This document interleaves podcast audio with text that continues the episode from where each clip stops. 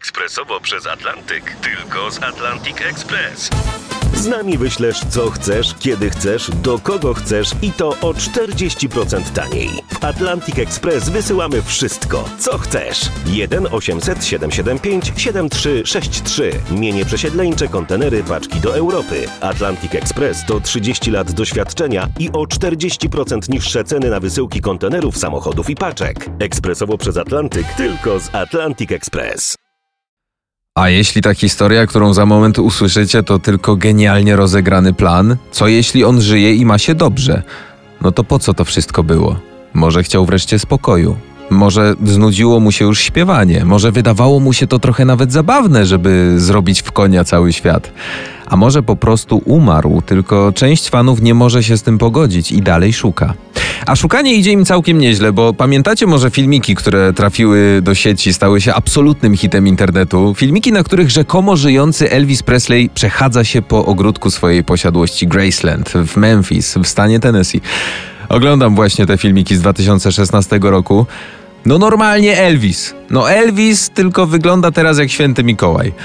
Potem jeszcze ktoś wrzucił zdjęcia na Facebooku na profilu konta dowody, że Elvis Presley żyje, tak się nazywa to konto. Zdjęcia gościa w czarnej kurtce stojącego w tłumie, bejsbolówka, ciemne okulary. No, jak się zmruży oczy, no normalnie cały Elvis.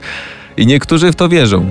Ale już tak zupełnie bez żartów, bo my tu o poważnych historiach rozmawiamy. Dzięki, że jesteście w kolejnym odcinku podcastu. Już wiecie, kto jest bohaterem tego odcinka. Poznaj tajemnicze okoliczności śmierci gwiazd.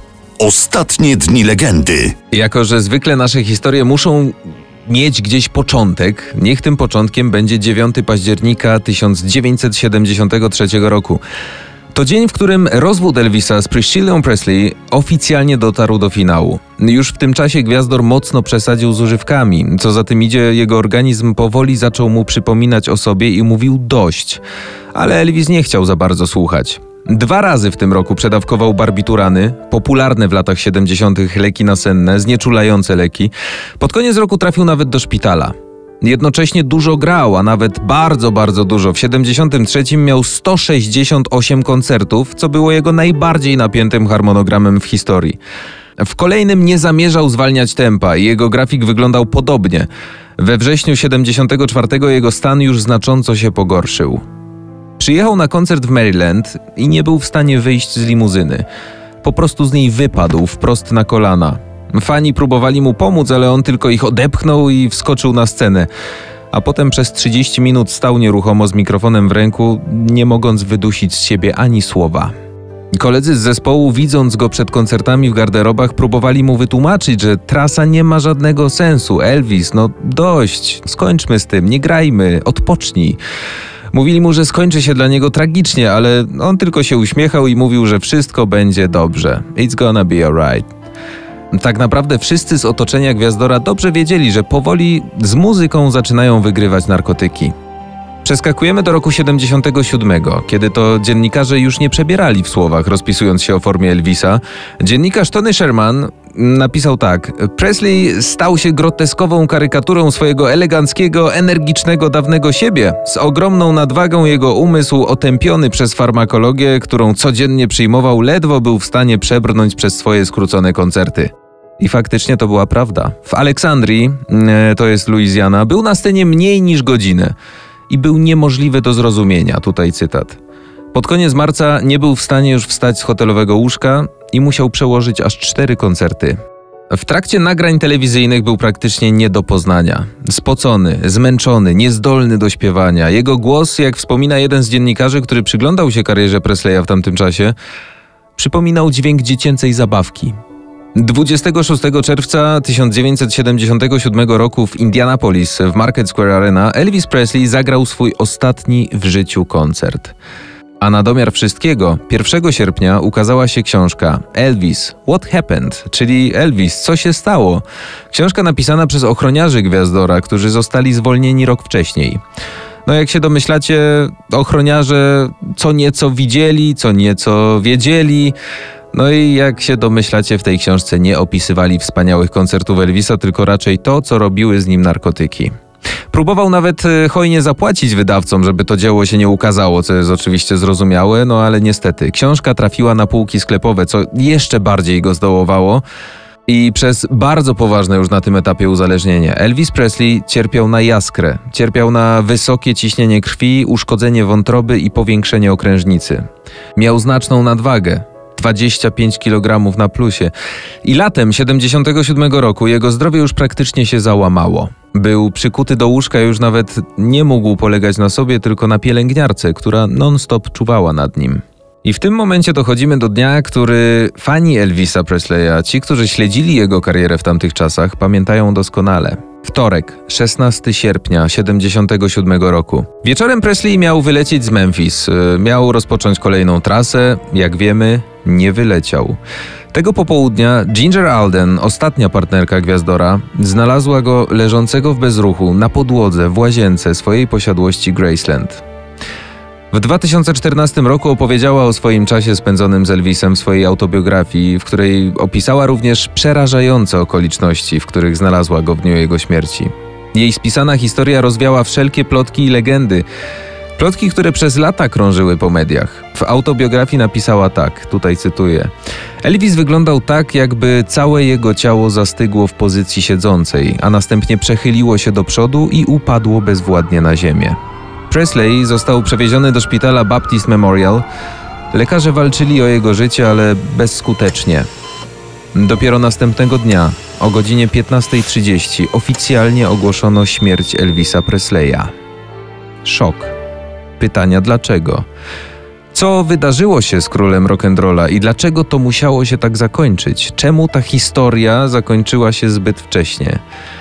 Tysiące ludzi zebrało się pod Graceland, aby obejrzeć otwartą trumnę z ciałem Elvisa. Jak się okazało, znaleźli się też tacy, którzy postanowili zarobić na śmierci Gwiazdora.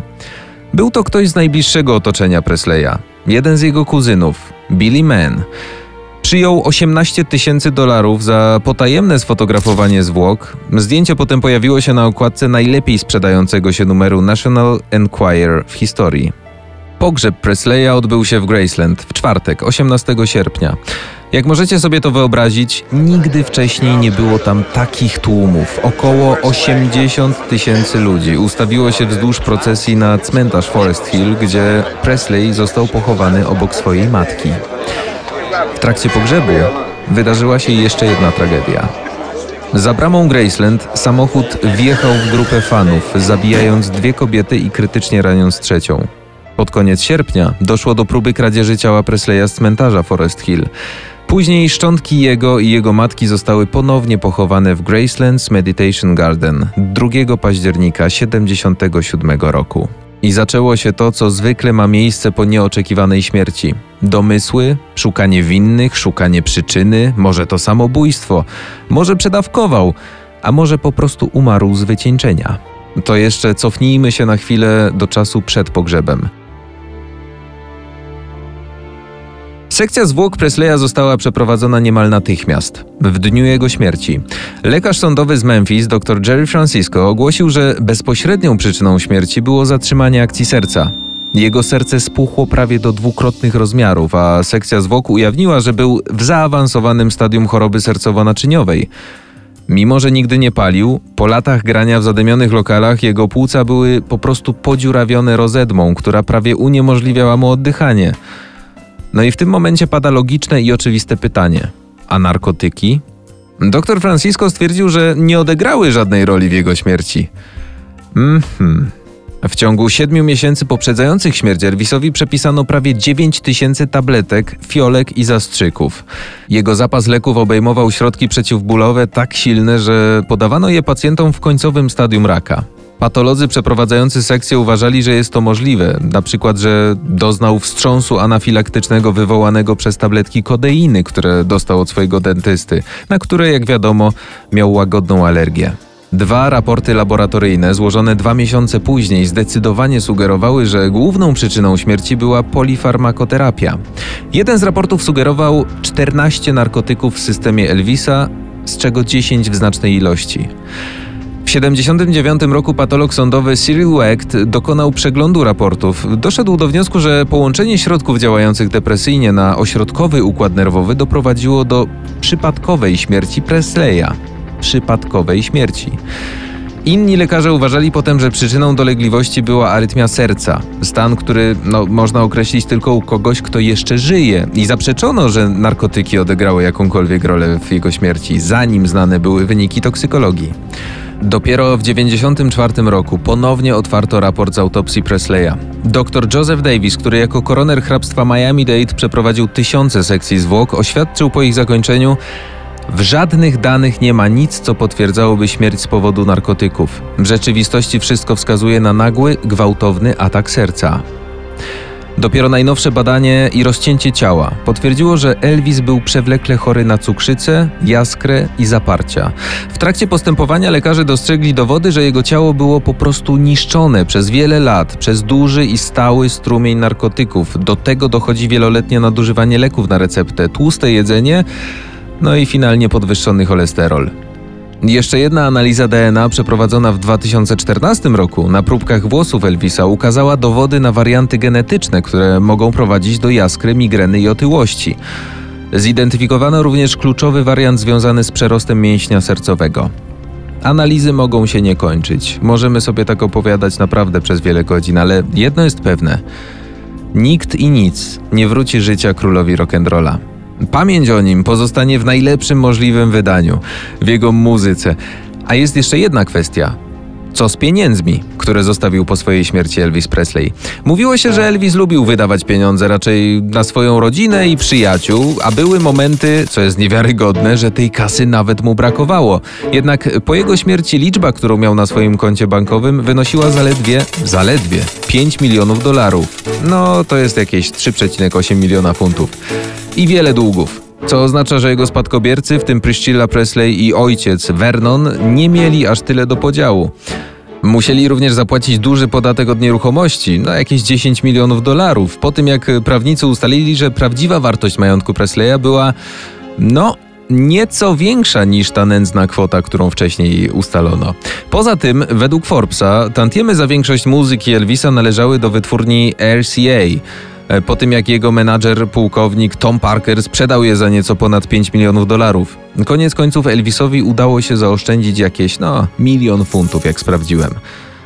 Na szczęście Priscilla przejęła pałeczkę i zamieniła Graceland, posiadłość Elvisa, w atrakcję turystyczną, która mm, pomogła znacznie zwiększyć majątek do około 100 milionów dolarów, a mniej więcej do 93 roku. Tym samym roku, 93, córka Elvisa, Lisa Marie, skończyła 25 lat, co oznaczało, że kwalifikowała się do dziedziczenia pieniędzy Elvisa bezpośrednio z jego testamentu, ponieważ była głównym spadkobiercą jego ogromnej fortuny. Ale nie pieniądze są tu ważne, tylko muzyka. Pamiętajmy o tym. Odpalcie sobie ulubiony kawałek króla, no trochę potańczcie, wyluzujcie się, to zawsze pomaga, na wszystko. Tyle na dziś. Następnym razem wracamy do klubu 27 cudowna, cudowna dziewczyna będzie bohaterką kolejnego odcinka podcastu Ostatnie Dni Legendy. Do usłyszenia z Amy Winehouse. Mateusz Opyrchał, dzięki i do następnego.